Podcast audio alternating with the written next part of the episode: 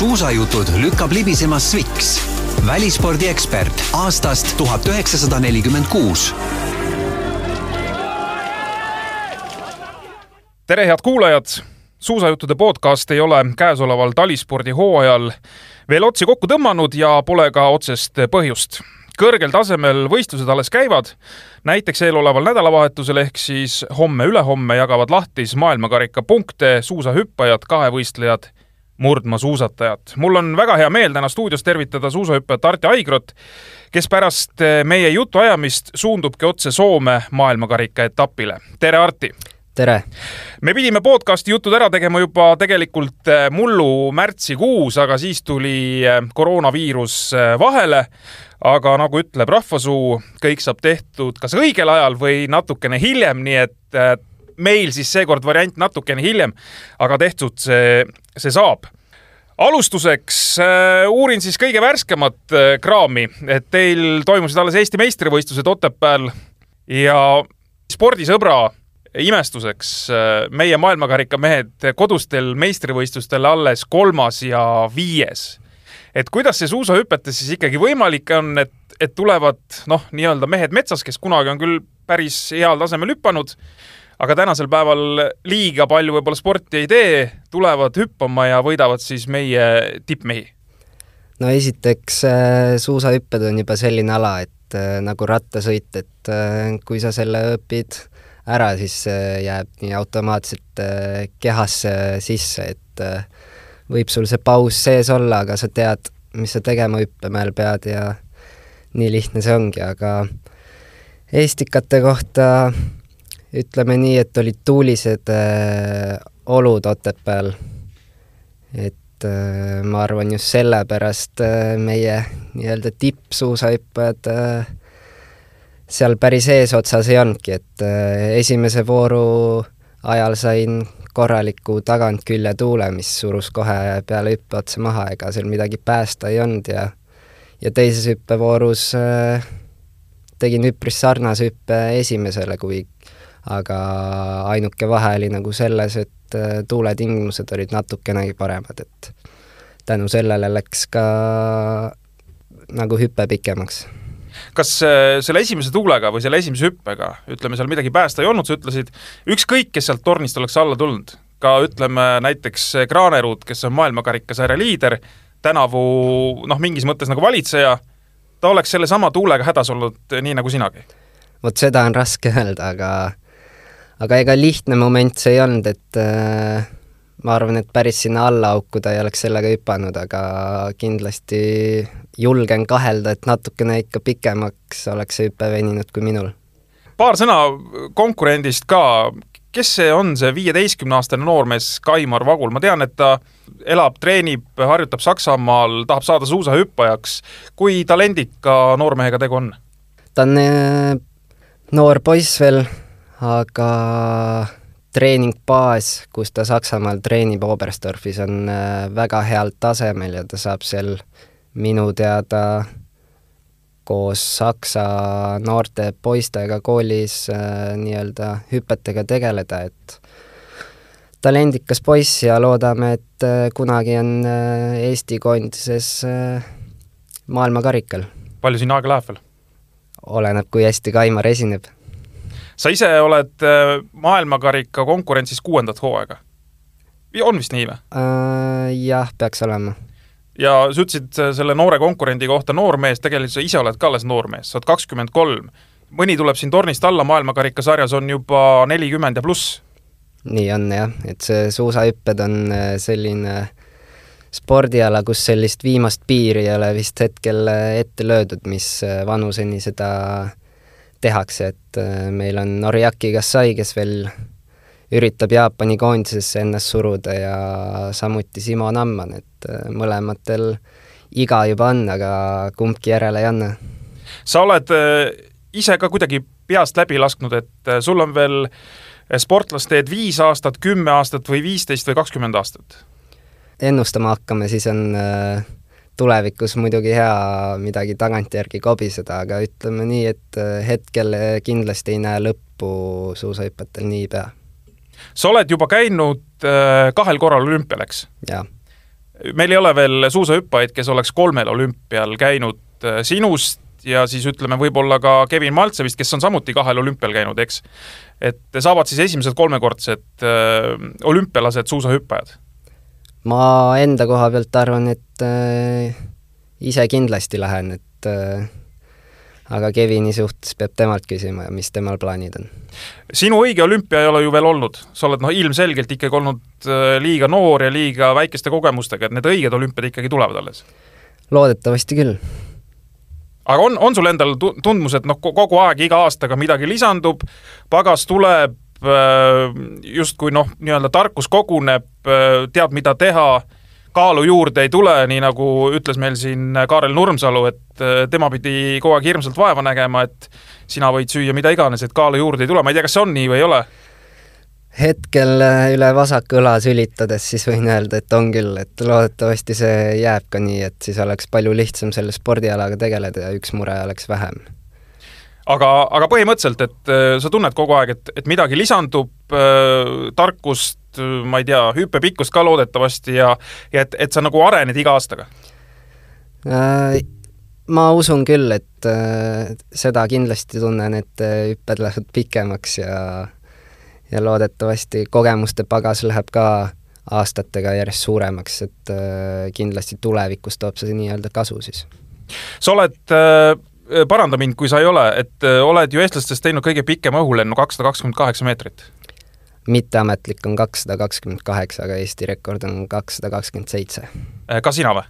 ka minu käes. ka sinu käes, okei okay.. kakssada kakskümmend kaheksa on mitteametlik, miks? See oli mõni aasta tagasi, kui ma ei pääsenud äh, kvalifikatsioonist edasi, siis meil oli võimalus treeneriga otsustada, kas ma lähen järgmine päev proovihüppajaks või ei lähe. ja muidugi Lennumäel on äh, raske ei öelda sellisele pakkumisele, sest äh, tõesti, Lennumägi on selline mägi, mida iga sportlane naudib ja muidugi ma ütlesin jah ja ja siis ma läksin proovihüppajana hüppama, anti natukene rohkem hoogu kui põhivõistlustel ja siis äh, tuli, tuli selline distants, mille üle oli väga hea meel. see oli siis kaks tuhat üheksateist märts ja Plaanitsa? täpselt nii. Äh, sa oled, kas sa oledki, ütleme, lennumägede mees siis pigem, et äh, mida no rohkem hoogu, mida kõrgem mägi, seda kõvem sa oled, ükskõik no ütleme siin maailma tippudega võrreldes no hetkeseisuga see on natukene niimoodi välja kujunenud, et äh, mida suuremaks mägi läheb, seda rohkem mulle sobib, kuna ma olen äh, ise ei taha muidugi seda öelda, et äh, aga teiste silmades ma olen äh, väga hea lendaja. aga loodetavasti tulevikus mulle sobivad ikka kõik mäed, et selle nimel töö käib, et maailmakarikatel on nii väikseid kui ka suuri mägesid. Miks sa ise sellega nõus ei ole või miks sa ise ei taha seda öelda, kui teised ütlevad, et sa oled hea lendaja? ma ise näen, et alati on võimalik paremaks minna ja näen ka teisi hüppajaid, kellelt õppust võtta ja minu silmis on paremad lendajad kui mina. kui me räägime sellest hooajast, siis jällegi üsna, üsna värske juhtum oli siis see, et äh, sul ei õnnestunud ühest äh, kombinatsiooni kontrollist läbi minna Lillehammer. jaa mis seal siis täpselt juhtus või kas olid äh, kehakaalu alla võtnud, et sul kuskilt äh, lotendas või mis, mis seal probleem oli siis? tegemist oli tegelikult väga lihtsa põhjusega, et äh, üleval enne esimest kontrolli, et meil on kaks kontrolli hüppemäel, üks on enne hüpet ja teine on pist selliselt peale hüpet. üleval kui läksin kontrolli, siis ma tundsin, et kuskilt käis mingi raks läbi kombel, aga muidugi ma seda tähele ei pannud ega ei mõelnud sellele. all võeti siis mind kontrolli ja seal tuli välja, et mul on äh, umbes viiesendine auk äh, kombes sees, et äh, õmblustest andis see järgi ja ja tänu sellele tuli ka diskvalifitseerimine. et tegelikult kui auk on sees, siis ju see kombe läheb ju halvemaks või? Teoreetiliselt küll, aga reeglid on sellised, et äh, katkise kombega võistlema ei lasta. käid äh, muidu sellise rahuliku südamega kombekontrollis? seni olen käin küll, käinud küll, et äh, on muidugi tulnud neid olukordi ette, kus natukene hakkad mõtlema, kui inimene tuleb sinu juurde, et äh, lähme nüüd kontrolli, et aga muidugi, kui sa seal, see on ka teine olnud nii-öelda teine töö, et sa pead oskama seal seista õigesti, et äh, aga eks ikka natukene kõhedaks tõmbab, aga sellest äh, tuleb üle olla. kas sa tahad meile mõne nime öelda, kes näiteks ei käi rahuliku südamega kombekontrollis oma konkurentidest? vot sellisel teemal me ei ole hüppajatega nii-öelda suhelnud, aga ei oska öelda praegu, kes, kes ei käi. aga see kombe teema, see vist jääbki suusahüppajaid saatma, no sellepärast, et et no midagi ei ole teha, et see on päris oluline element kogu selle asja juures ja kogu selle lennu juures. see on, ma arvan, niimoodi patuselt öelda, siis see on äh, hüppajate doping, et äh, kombe on üks väga-väga oluline asi suusahüpete juures ja kui sul ei ole head kombet, mis ei toimi, siis on ikka väga raske või siis võimatu isegi seal äh, maailma tipus võistelda. Kui palju näiteks sul tänasel päeval neid kombinatsioone on, millega sa hüppad? hooajal kulub äkki Mm, viisteist kombet hetkel. et see on selline number, et äh, sellega teen hooaja ära. aga on ka varasemalt olnud hooaegu, kui ma tegelesin veel Eestis, et äh, nelja-viie kombega pean hooaja läbi tegema, sest äh, see on väga kulukas, kulukas koht, kuhu raha läheb. Päris muljetavaldav number, viisteist näiteks, et kas, kas on hüppajaid, kellel on neid veel rohkem? kindlasti on, et suurematel koondistel on äh, seda, seda võimalust rohkem nii-öelda testida ja materjale on rohkem, et äh, kui sa oled väiksemas koondises ja sul ei ole näiteks õmblejat isegi, siis sa pead tellima Saksamaalt neid kombesid ja vajadusel minema sinna koha peale mõõta andma ja oma silma all teevad kombe valmis ja siis proovitakse, et kindlasti on koondisi kellel on võimalus rohkem kombesid teha kui viisteist. mis seal kombede juures siis ütleme, kulub või, või mille järgi sa otsustad, et et ma ei tea, täna lähen hüppama selle, teise või kolmandaga, et tõused hommikul üles, mõtled, täna on ma ei tea, täna mulle meeldib pruun värv, et panen pruuni värvi kombe või mi-, mis, mis siin, mis seal lõpuks on nagu vahet, et millega sa hüppad? See oleneb äh, materjali, materjali läbilaskusest, et et äh, et kõik need kombed on ikkagi mingis mõttes natukene erinevad või? Äh, jaa, kindlasti kogu aeg, kui sa ostad viis meetrit materjali ja kuu aja pärast ostad sama materjali jälle viis meetrit, siis neil võib päris suur vahe olla, et aga treeningutel uued kombed proovitakse ära ja see, mis toimib, see nii-öelda säilitatakse võistlusteks, et sellega treeningul rohkem ei võist- või ei hüpata mille järgi sa tunned ära, noh jällegi, võib-olla väga loll küsimus, et ma ei ole ise suusahüppeid teinud, eks, et mille järgi sa tunnetad ära, et see kombe töötab ja, ja näiteks mõni teine kombe ei tööta? no see on ilmselge, et kui sa lähed hüppama, siis äh, üks kombe annab sulle päris kõva toe lennu ajal, teine võib olla selline, mis üldse tuge ei anna ja kukud alla, et sama, sama, samuti Äh, kombedel on kiiruste vahe, kas sa lased vastukarva teha kombe või lased just äh, vastupidi teha, et äh, et päris palju selliseid pisiasju on seal. Väga huvitav tegelikult, et siin võiks muidugi jätkata, et aga lähme sellest riietumisest ja õmblemise juurest, lähme siis tegelikult nagu suusahüpete juurde. maailmameistrivõistlused, Plaanitsas kahekümne viies, kolmekümne esimene koht, kuidas sa äh, MM-i tulemustega rahule jäid, et meil käis, mitte ei käinud siin stuudios kohapeal, vaid äh, Marko Kilp suusameestest oli meil siis äh, suusajuttude podcastis Plaanitsa MM-i ajal ja, ja rääkis meiega sealt ja siis äh, ma saan aru, et te olete päris head semud omavahel, et ta ütles, et peaasi on vist teha suusahüpetest parem tulemus, aga lõpuks te jäite vist viiki kakskümmend viis ja kakskümmend viis.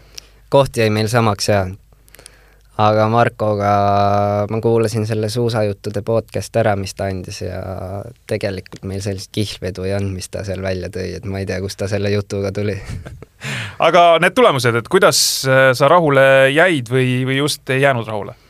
väiksema ajaga mul oli pettumus suur tegelikult, et äh, kolmekümne esimene koht, et sellel hooajal on päris mitu kolmekümne esimest kohta mulle, et äh, tegelikult on kopp ees juba sellest äh, numbrist, et äh, muidugi oleks tahtnud teises voorus võistelda, aga suurel mäel sain natukenegi positiivset tagasisidet MM-ilt, et esimeses voorus suutsin tegelikult väga-väga okei hüppe teha, aga teise vooru hüppega ma ei jäänud kohe üldse rahule, et nii suur apsakas tuli siin, sinna sisse ja pärast äh, imestasin treeneriga, kuidas see hüpe üldse nii kaugele venis, et äh, mis apsakas see oli siis?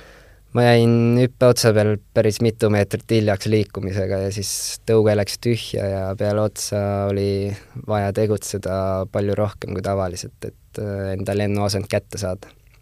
aga noh, siin veel kord siis kinnitus, et isegi selle hilinemise puhul, et sa ikkagi vist lendad hästi siis järelikult niivõrd-kuivõrd. Äh, sul sel hooajal maailmakarikasarjas parim koht on kakskümmend neli. et see kakskümmend viis MM-il ja kakskümmend neli MK-l, on need kuidagi võrreldavad või ütleme, maailmakarikal saavad vist osadest riikidest ju rohkem rahvast peale, on ju, ma ei tea, kuidas seal Sapporos oli, kui palju, kas kõik riigid olid kohal või mitte, et on need kuidagi võrreldavad omavahel või, või need on kaks erinevat asja täiesti? Äh, täpselt nii, et maailmakarikal suuremad riigid saavad äh, rohkem sportlasi välja panna kui MM-il, et äh, MM-il on selline reegel, et iga riik saab neli sportlast panna ja maailmameister saab viis siis. et kindlasti MM-il on natukene lihtsam nii kvalifikatsioonist just edasi saada, aga kolmekümne hulka on tegelikult üpris sarnane, sarnaselt raske saada kui maailmakarikal, sest äh, sportlased on ikkagist äh, väga heal tasemel seal.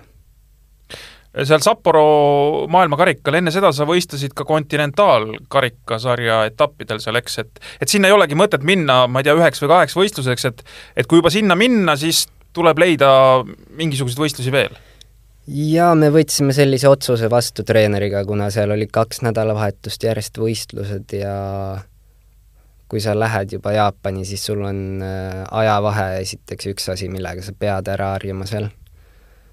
ja kuna seal oli lausa kolm kontinentaalkarikasarja võistlust äh, pluss kaks maailmakarika, et äh, kahe nädalavahetuse peale viis erinevat võistlust, mis oli äh, päris suur number ja siis otsustasime, jätame Sakopane maailmakarika vahele ja lähme Jaapanisse.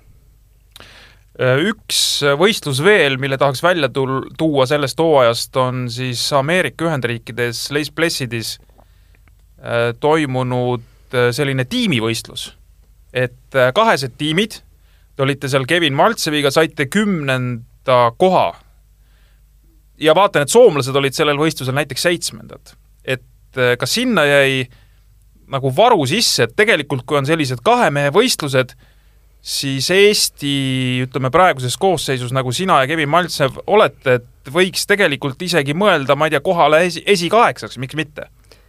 miks mitte tõesti, et äh, see on selline uus formaat, mis annab väiksematele riikidele võimalust äh, võistelda, et et äh, kuna meil nelja sportlast ei ole, keda maailmakarikal hetkel peale panna ja tavalist meeskonnavõistlusest osa võtta, siis see supertiim, mis nüüd Ameerikas oli, millest me osa võtsime, see on minu silmis üks äh, väga suur pluss suusahüpetes juurde tulnud ja loodetavasti nad äh, jätkavad ka seda uuel hooajal.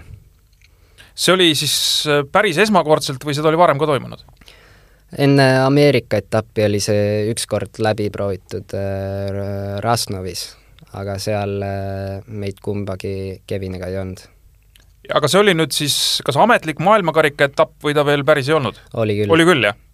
nii et tegelikult äh, ütleme niimoodi, liigub natuke ikka sinnapoole, et see selline kahe mehe võistlus võiks, mine tea, võib-olla mingi aja pärast jõuda ka tiitlivõistlustele? ma usun küll ja väga loodan, et et äh, nad teevad seda, et äh, siis on ka nii eestlastel kui ka näiteks äh, seal rumeenlastel ja teistel väiksematel riikidel võimalus võistelda, et loodame parimat selles osas. sa oled Soome A-koondise juures olnud kahe tuhande kahekümnenda aasta suvest, kolm aastat, jah. kolm aastat. ja eelmisel hooajal oli siis selline olukord, et sa olid kõikidest soomlastest eespool maailmakarika üldarvestuses ja tiitlivõistlustel ka mm,? peast ei oskagi öelda seda üldarvestust. Äh, tiitlivõistlustel olid kindlasti minu meelest nendest eespool või? lennumäe tiitlivõistlustel ki-, kindlasti, et äh, just, mis Vikersundis toimusid, et seal mäletamist mööda olin kindlasti eespool. Okei okay,, aga nagu mul on kuidagi jäänud mulje, võib-olla siin mõni võistlus on ka läinud niimoodi, et soomlased on sinust eespool, ma pean silmas siis eelmist hooaega, aga tänavusel aastal näiteks võrreldes seda Plaanitsa MM-i, siis Suurel mäel sa olid äh, ka soomlastest eespool, Väiksel mäel sa ei olnud, seal sai Anti Aalto sai kahekümne neljanda koha. et äh, mis, mis siin suusamaailma või suusahüpete maailmas siis on toimunud äh, soomlastega, et kes kunagi valitsesid seda ala väga pikka aega ja nüüd järsku ei ole mitte ühtegi sellist meest, kes, ma ei tea, esikümne konkurentsigi mahuks ei tahaks äh, hetkel soomlasi taga klatsida, et kuna ise ka veel seal treenin, siis äkki enne hooaja lõppu ei ole mõistlik seda teha. Ei, aga ära klatsigi, räägi lihtsalt, et mis see huvitav võib olla see põhjus, et kas, kas siis no, näiteks noorte töö mingil hetkel kuidagi jäi soiku ja, ja elati no selle nii-öelda kuulsuse pinnalt, et, et küll tuleb, et kogu aeg on ju tulnud, et küll tuleb?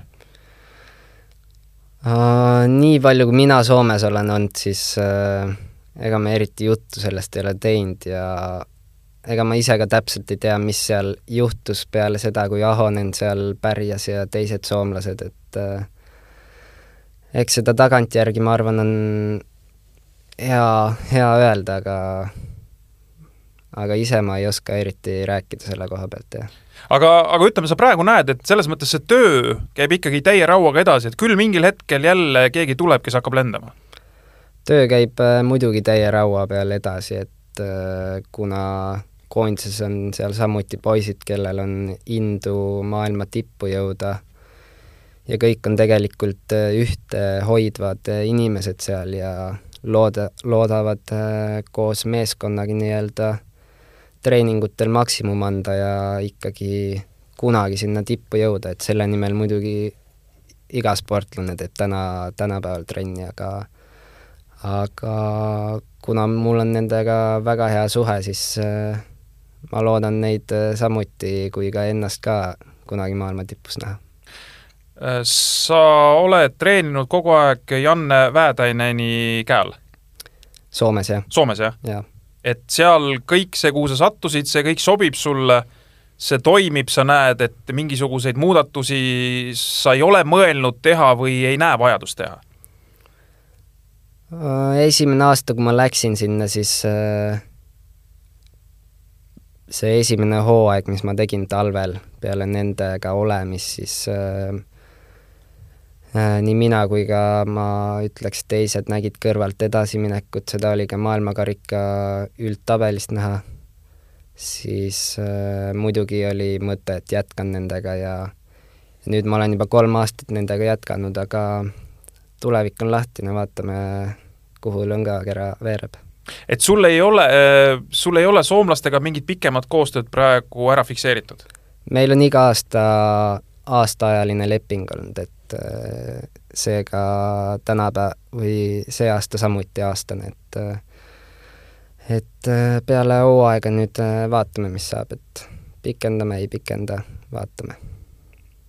eelmisest aastast sul on ka täiskasvanute tiitlivõistluste parim tulemus ehk esimest korda koht kahekümne hulgas, me jõuame sinna juunioride vanuseklassi ka, kus sa tegelikult oled esikümne mees olnud maailmameistrivõistlustel, aga kõigepealt siis eelmise aasta Lennumäe mm Vikersundis, kus sa said üheksateistkümnenda koha.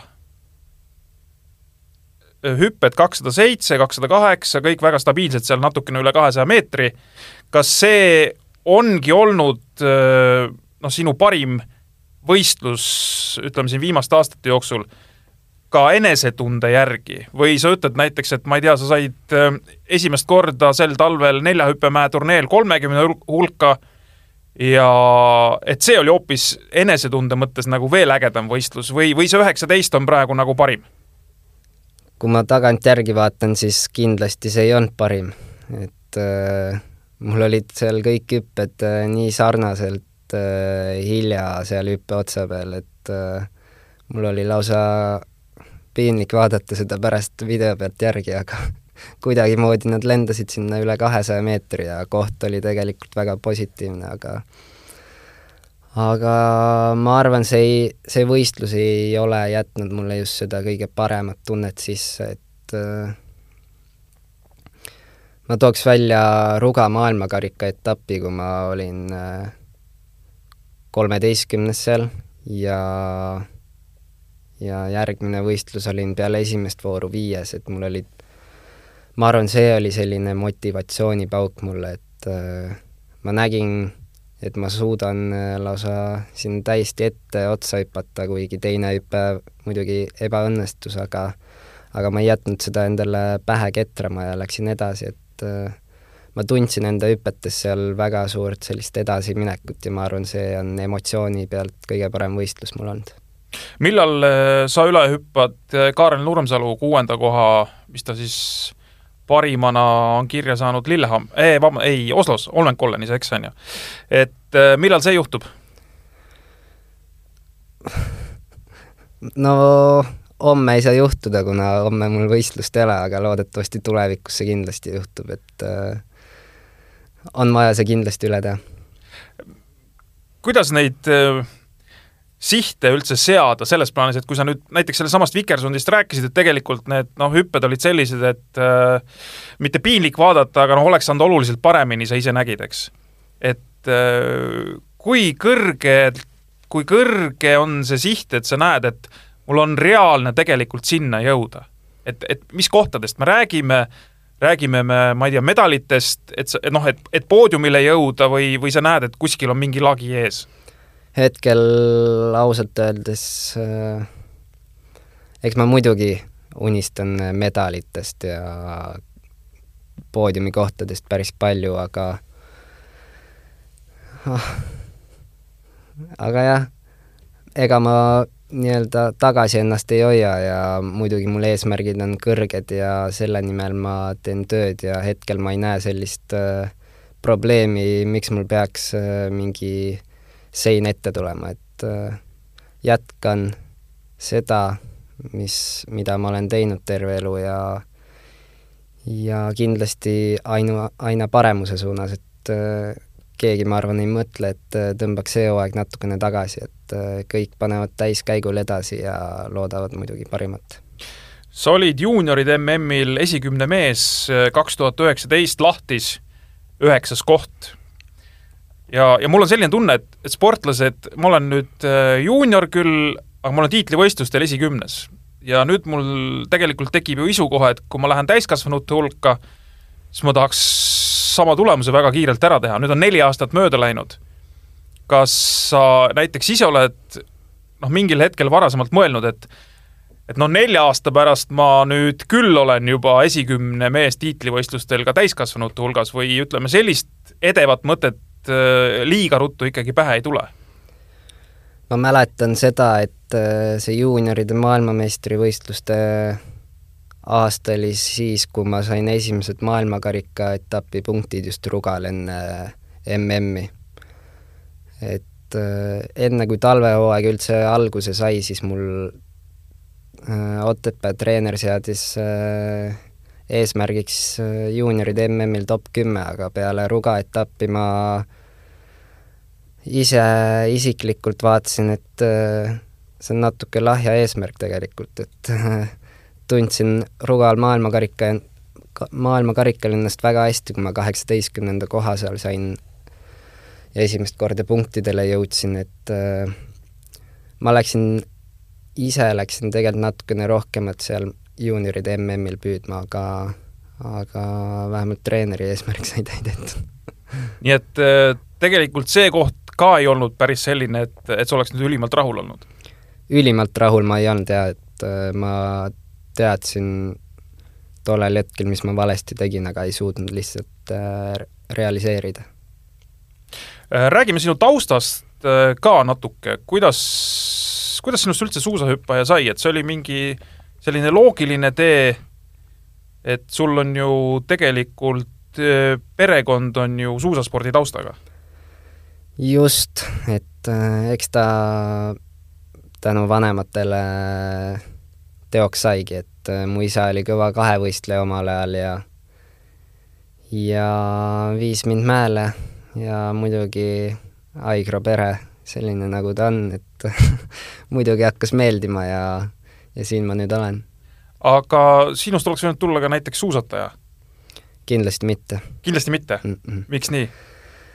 mul oli juba noorte karikasarja arvestuses oli raske leida motivatsiooni suusale, suusatama minna peale hüppeid, kui ma kahevõistlust tegin, et äh, mul oli kõva konkurents seal Klaus-Mark Kolbakov, kes mind kogu aeg lihtsalt äh, kahevõistluses võitis. ja, ja, ja siis mulle ei hakanudki see ala üldse meeldima, siis ma mõtlesin, et äh, kuna ma, kuna ma hüpetes pärjasin tollel ajal kogu aeg Klausi ees ja teiste sõprade ees, siis ma mõtlesin, et ma lähen Otepääl spordikooli ja keskendun ainult suusahüpetele. et suusatamine iseenesest äh, ei ole sind nagu võlunud? siiamaani veel mitte jaa, et äh, korra aastas saan need murdmaasuusad jalga heal juhul, aga aga siiani see spordiala ei tõmba mind.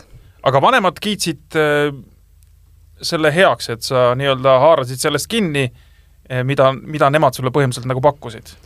Jaa, ega seal selliseid vastuväiteid ei olnud, kui ma läksin spordikooli, et äh, see oli kuidagi ilmselge, et ma keskendun ainult suusahüpetele ja jätan selle kahevõistluse poole selja taha.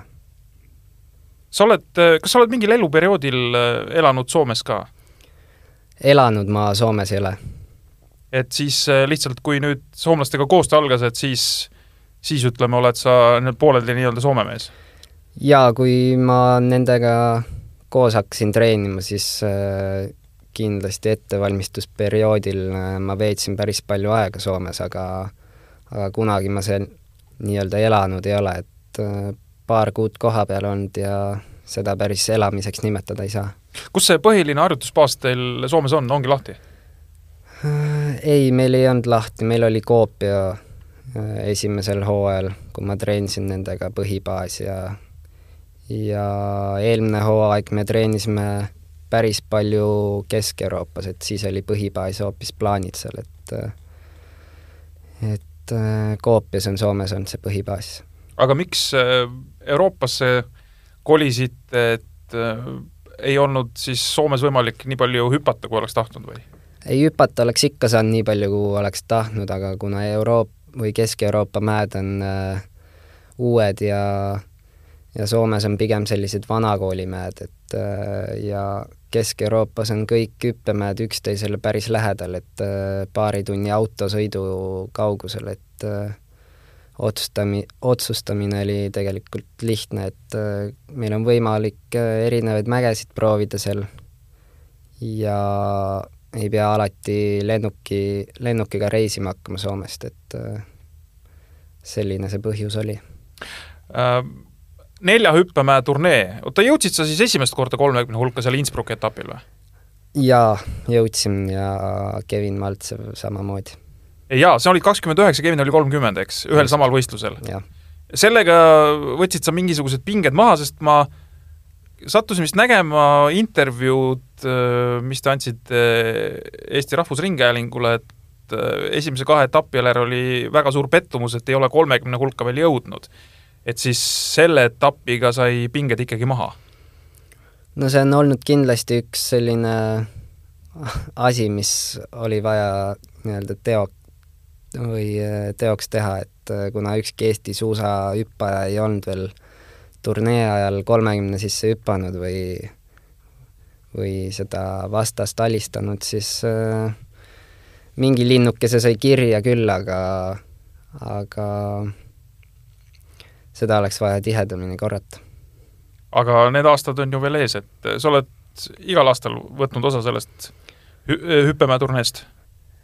olen võtnud jaa, et äh, ja samuti tulevikus võtan ka, et see on suusahüppajate selline üks põhilisemaid turneesi või võistlusi üldse hooajal, mis ees ootab iga aasta. Räägime maailmakarika üldseisust ka mõne sõna. Teil on praegu toimunud kakskümmend kaheksa etappi, mõned on veel tulemas ja Halvor Egner Granerud on siis maailmakarika üldvõidu ära kindlustanud, eks? nüüd peale Norra tuuri on ta ära kindlustanud selle, jah. kaksteist võitu sel hooajal temal. vaatan siin edasi veel David Kubatski teise mehena kuus võitu, Stefan Kraft neli võitu, Anze Lanišek neli võitu. kas nemad ongi siis olnud ikkagi teistest nagu selgelt paremad? no Kraanerud on ilmselgelt äh, minu silmis peajagu üle teistest, et kui hooaja alguses vaatasime veel, et äh, Kubatski on äh, eesotsas ja triumfeerib seal äh, alguses, siis äh, mingi hetk ta vajus ära ja Halvor tuli enda punktidega järele, aga hetkel on äh, Halvor on ikka hea soone peale sattunud, et tõesti, väga hea on vaadata selliseid hüppeid et äh, ühel hooajal on ühe mehe aasta nagu ja teisel hooajal on see on teise mehe aasta, et et äh, sellist meest praegu ei ole, kes siin mingi, ma ei tea, mitmed aastad järjest, järjest valitseks? no tegelikult Halvor hüppas eelmine hooaeg ka päris hästi, et äh, aga hetkel on jaa, pigem see suusahüppajate tase selline, et äh, üks mees päris kolme-nelja aastat äh, järjest ära ei kesta, et äh, tase on väga tihe ja tugev, et minu silmis see üldvõitja, üldvõitja nii-öelda hooaja lõpuks otsustatakse ikka üsna lõpupoole nagu hetkel, et meil on kaks etappi jäänud, et on ka selliseid hooaegu olnud, kus äh,, kus juba päris varakult on selge, kes selle maailmakarika kinni paneb, sest tal on nii palju punkte juba olemas. sa oled ise üldarvestuse viiekümne neljas mees ja oled viis korda jõudnud kolmekümne hulka sel hooajal. pigem rahul, pigem mitte rahul? pigem mitte rahul. et äh, enda silmis olen liiga vähe jõudnud teise vooru ehk viis korda, aga muidugi eesmärk oli, eesmärk oli kolmekümne seas lõpetada, aga sinna kui seda juba tahta, siis peab ikka peaaegu, no siis peabki igal maailmakarika etapil olema punktidel ehk kolmekümne hulgas, et et sealt väga välja ei tohi jääda siis. ütleme, et maailmakarika üldarvestust silmas pidades võiks siis olla selline siht, et et võiks äh, mõne järgmise hooaja lõpetada kolmekümne parema hulgas, siis maailmakarika üldkokkuvõttes? see on kindlasti üks eesmärkidest jaa, mida ma tahan äh, enda suusahüppaja karjääris muidugi ära saavutada. et äh, see on tegelikult minu silmis üks raskemaid asju, sest sa pead väga stabiilne sellel pikal hooajal olema ja ja nõuab väga palju sellist keskendumist.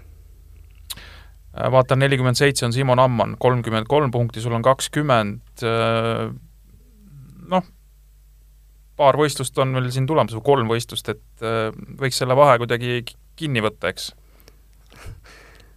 ei, ikka võiks äh, natukene ettepoole tabelist äh, jõuda, aga, aga vaatame. kui sa mäe peale lähed, tänasel päeval noh, ikkagi sa oled juba maailmakarika karussellis tiirelnud, midagi lööb sind verest välja ka veel või kõik on sinu jaoks nagu noh, nii nagu olema peab, et ei ole enam sellist momenti, et ma lähen ja nüüd järsku vau, et mis ma nüüd teen või et äh, kuidas ma nüüd hakkama saan?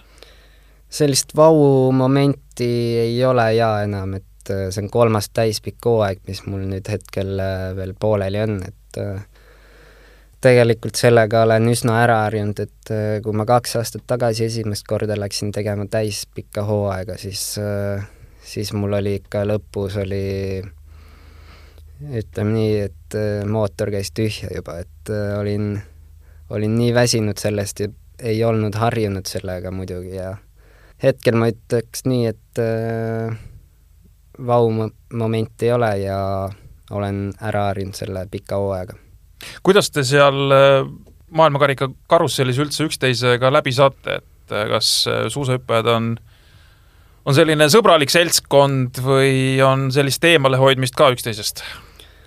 hüppajad on tegelikult väga ühtehoidvad, et äh, muidugi, kui ma läksin maailmakarikasarja üldse esimest korda, siis olid kõik äh, minu jaoks äh, võõrad näod, et ainult telekast olin näinud, et aga nüüd tean kõiki, nemad teavad mind juba aastaid, kuna oleme võistlenud kogu aeg koos. ja tegelikult ikka kõik hoiavad ühte, et äh, kui peaks näiteks, äh, lihtne näide, kui peaks kellelgi varustus mitte jõudma võistlusteks, siis äh, alati üritatakse leida variante kas või teiste koondiste najal, et see sportlane saaks ikka võistlema, et laenatakse nii palju varustust kui võimalik ja ja see on tähtis, et kõik saavad osa võtta. ma tahtsin korra küsida, siin alles oli see Holmenkolleni võistlus ja räägiti, et see hüppemägi on äh, natukene eriline ja see hoovõturada, et seal oli Kristjan Ilvesel oli seal probleem, et äh, suusad vist läksid vastu seda renni äärt, et äh, on see mingi täitsa teistsugune hüppemägi siis ütleme, noh, teistega ei anna võrrelda näiteks? ega ta tegelikult nii erinev ka ei ole, et ainuke mis seal võibki erinev olla natukene, kuigi seda on Euroopas, Kesk-Euroopas meil väga palju, on see hoovõturada, kus ääred on äh,, ei ole just jääst, vaid ongi sellisest äh,, ma ei teagi, mis materjal see on, plast või äh, portselan või mis ta on seal, et äh, et kui suusad sinna vastu käivad, siis tõesti see kakub äh, hoo päris palju kinni ja siis sa hüppadki teistest äh, mitu pommi altpoolt ja muidugi see on raskem, kui sul on vähem hoogu. Aga kuidas seda vältida siis ütleme annab või kuidas ütleme, osadel õnnestub, et nad ei lähe sinna ääre pihta ja teistel, teised justkui lähevad? vot see ongi üks asi, mida tuleb õppida suuski raja keskel hoidma, et et üks ülesanne on suusahüppel hea kiirus hüppemäel saada, et üldse lennata kuskile. see on üks raskemaid asju ka minu puhul, kuna mul on kiirus alati üsna, üsna väike olnud võrreldes teistega, aga, aga jah. tead, ma tahtsin küsida veel, äh, me pidime puudutama ka eelmise aasta olümpiamänge, et äh, seal mul jäi silma, et te olite võistluste ajal Kevin Maltseviga mõlemad tegelikult nagu päris ägedas hoos, äh, intervjuusid jagasite sellise muhetolekuga et see eelmise aasta olümpia vist tegelikult tundus, et pakkus teile mõlemale nagu rahulolu, et seal ikkagi asjad enam-vähem nagu klappisid? Enda poolt rääkides siis äh, tegelikult ma olin natukene raskustes seal enda hüpetega, aga nagu jälle kombeks, siis suurel mäel suutsin positiivse ikka, positiivse noodiga lõpetada. et said teise vooru, olid kolmekümnes, eks? täpselt nii et äh, ma olin enda esimese hüppega väga rahul, mis mi-, mind viis teise vooru.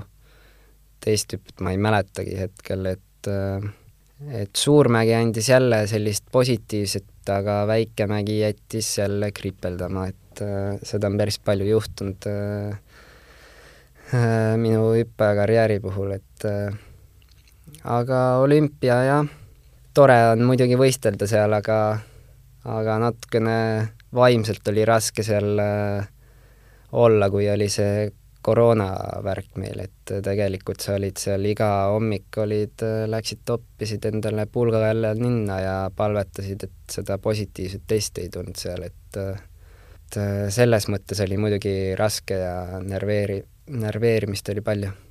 sinu praegused sihikud on võetud siis aastani kaks tuhat kakskümmend kuus või sa tegelikult juba sihid midagi nagu oluliselt varem? No olümpiamängud kindlasti on äh, selline suur eesmärk, äh, kus äh, teha jälle head tulemust, aga kindlasti meil tuleb ka maailmameistrivõistlused Lennumäes, et seal tahan kindlasti hästi võistelda ja teistel tiitlivõistlustel samuti, et ootuseid madalaks ei sea, et muidugi nüüd pead kõrgel küsi- või püsima, et äh, siis on millegi suunas äh, tööd teha. kus võiks olla kõige suurem potentsiaal, et kui sa midagi saad nagu nii-öelda korda, et siis hakkavad äh, lennud kaugemale minema või tegelikult suusahüpete koha peal on seda keeruline öelda, et kus kohas see kõige suurem reserv on? Enda puhul ma arvan, et kindlasti üldfüüsiline on vaja paremaks saada ja samuti ka tehniline pool, et äh, ei ole, ma arvan, sellist hüppajat veel olemas, kellel on kõik ome-, omadused maksimaalsed, et äh, igaühe juures leiad mingi asja, mida saaks alati paremaks, aga mina näen just, et äh, jõu poolt on vaja äh, kõvemini treenida ja samuti ka tehnikas on äh, mitu sammu saab nii-öelda edasi liikuda. mis see jõuosa tähendab, et pead jalad tugevaks tegema? kätemuskleid ju suusahüpetajatel vist vaja ei ole? Päris äh, rinnalihast me jõusaalis üles ei hakka pumpama ja tõesti, et äh, see on lisaraskus meile, et äh, meie jõusaali treeningud on üldjuhul ikka keskosast allpool jalgadele suunatud, et kuna hüppemehel põhiline asi, mis sa teed, on tõukamine ja maandumine, siis jalad peavad tugevad olema ja ja iga selline lihasgrupp tegelikult, mis seal jalgades on või, või näiteks kõhu, seljalihased, kõik need peavad tegelikult tugevad olema. kas suusahüppajatel selle pika hooaja jooksul mingil hetkel tuleb peale selline tunne ka, tulemusi ei ole, mida sa ise oled lootnud, ja tekib selline tülpimus, et ah, ma ei tahagi hüppama minna, et tegelikult on nagu täitsa kõrini, et äh, või, või nii hulluks äh, hooaja keskel nagu asjad ei lähe?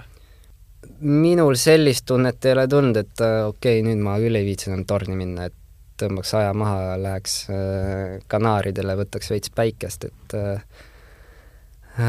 kindlasti on selliseid raskeid momente, kus äh, kus näiteks motivatsioonipuudust natukene on halbade tulemuste puhul, aga aga siis on mõistlik teha üks äh, nädalane, pooleteistnädalane selline puhkus maailmakarikasarjast või kus iganes sa võistled ja treenida selle asemel, et äh, võta korraks aeg maha, tee endal pea puhtaks, äh, hüpped lähevad paremaks ja tule tagasi, et selline pisike paus, ma arvan, hooaja keskel on on olnud nii minul kui ka, kui ka ma arvan, kõrgemat, kõrgema tasemega sportlasel olnud käigus, et kui tõesti läheb raskeks, siis on see paus vajalik teha. mis sinul aitab pead puhtaks teha? Minul aitab pead just puhtaks teha, kui ma tulen näiteks pikalt reisilt kodumaale, et kuna ma olen selline inimene, kellel meeldib kodus väga palju olla ja nende sõprade, inimeste ja perega ennast äh, ühinduda nii-öelda natukene hooaja keskel kas või, siis see annab mulle sellist värskust äh, just äh, kodumaal olemine, et äh, kui käin siin ära, olen kas või neli-viis päeva, aga see tegelikult teeb mulle peas sellise restardi, mis on väga hea enne võistlema minekut just. kui me nüüd jutu kokku tõmbame, sul on siis veel lahtisvõistlus ja siis on teil veel võistlus Plaanitsel viimane etapp. Plaanitsel viimane etapp. mis äh, Eesti spordihuviline nüüd võiks oodata, et äh, mida Arti Aigro viimastel etappidel teeb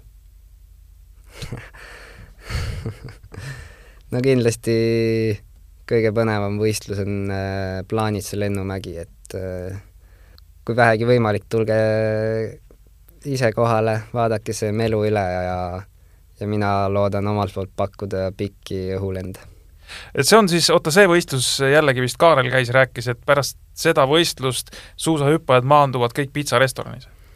täpselt seesama võistlus ja et äh, Kotnikist äh, peale võistlust pitsa ligi ja jalad seinale korraks. aga sellist stressi see noh, mittesöömine või söömine sellise väga kindla toitumiskava alusel ma saan aru, si-, sind ei ole väga puudutanud, aga, aga see suusahüppajate ringkonnas ikkagi on mingi teema või ei ole? Äh, mind see ei puuduta hetkel jah, nagu alguses rääkisime, aga on muidugi seda hüppajatega kaasas käinud, et äh, kindlasti vaadatakse, mida suust sisse aetakse, et äh, päris, päris šokolaadikooki iga õhtu ei süüa, et kindlasti salatilehed lähevad vahele enne aga kui ütleme, tuleb pitsaisu peale hooaja keskel, siis sina võid lubada mingisuguse pitsaviilu endale? Eks ma arvan, kõik võivad lubada seda, et äh, peale pitsat lihtsalt teed äh, natukene pikema trenni ja higistad äh, rohkem, et ma arvan, et päris, päris nii karmiks ei ole veel keegi läinud, et ühtegi kommi ei või hooajal süüa ja pitsat, pitsast ei tohi ampsu võtta, et ma arvan, ikka tuleb ette selliseid olukordi. Treeningust rääkides, suusahüppajad käivad, ma ei tea, krossi jooksu ka tegemas? Mina krossi jooksu päris tegemas ei ole käinud, et ei oska kaasa rääkida isegi. aga mis, ütleme, selline üld, üldfüüsilist hoida, mis sa teed? jaa, meil selliseid aeroobseid trenne on ka loomulikult, et äh, käime nii jooksmas kui ka rattaga sõitmas, et äh, ja muidugi suusatamas ka, kellele meeldib Enda eest ma siin muidugi ei räägi et pigem, pigem jooks, jooks ja ratas, et sellega hoiab samuti seda füüsilist taset aitäh tulemast, Arti, soovime sulle jõudu-jaksu mitte ainult äh, selleks hooaja lõpuks, vaid tegelikult ka järgmisteks aastateks, sest äh, nii nagu siin äh, ütleme, sinu endised konkurendid on vihjanud, et tegelikult see suusahüpe vist on ikkagi ala, mis sulle sobib. kui sul ei ole kaaluprobleeme ja kõrvaltvaatajad ütlevad, et see mees oskab lennata, siis äh, justkui paremat ala nagu ei ole kui, kui suusahüpped.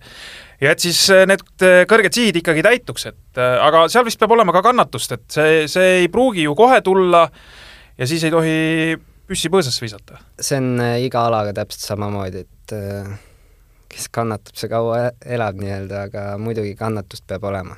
aitäh veel kord, aitäh kõigile kuulajatele, nii et Artile saate kaasa elada juba nädalavahetusel ja kellel on siis võimalus, minge viimasele maailmakarika etapile Plaanitsasse ka et kes maailmameistrivõistlustele jõudnud, saab siis nüüd ära käia. aga see ei olnud veel meie käesoleva hooaja viimane suusajuttude podcast, veel on tulemas paar saadet, püsige Kuulde raadiuses ja ja oleme tagasi märtsi viimasel nädalal. kõike head! suusajutud lükkab libisema Sviks, välispordiekspert aastast tuhat üheksasada nelikümmend kuus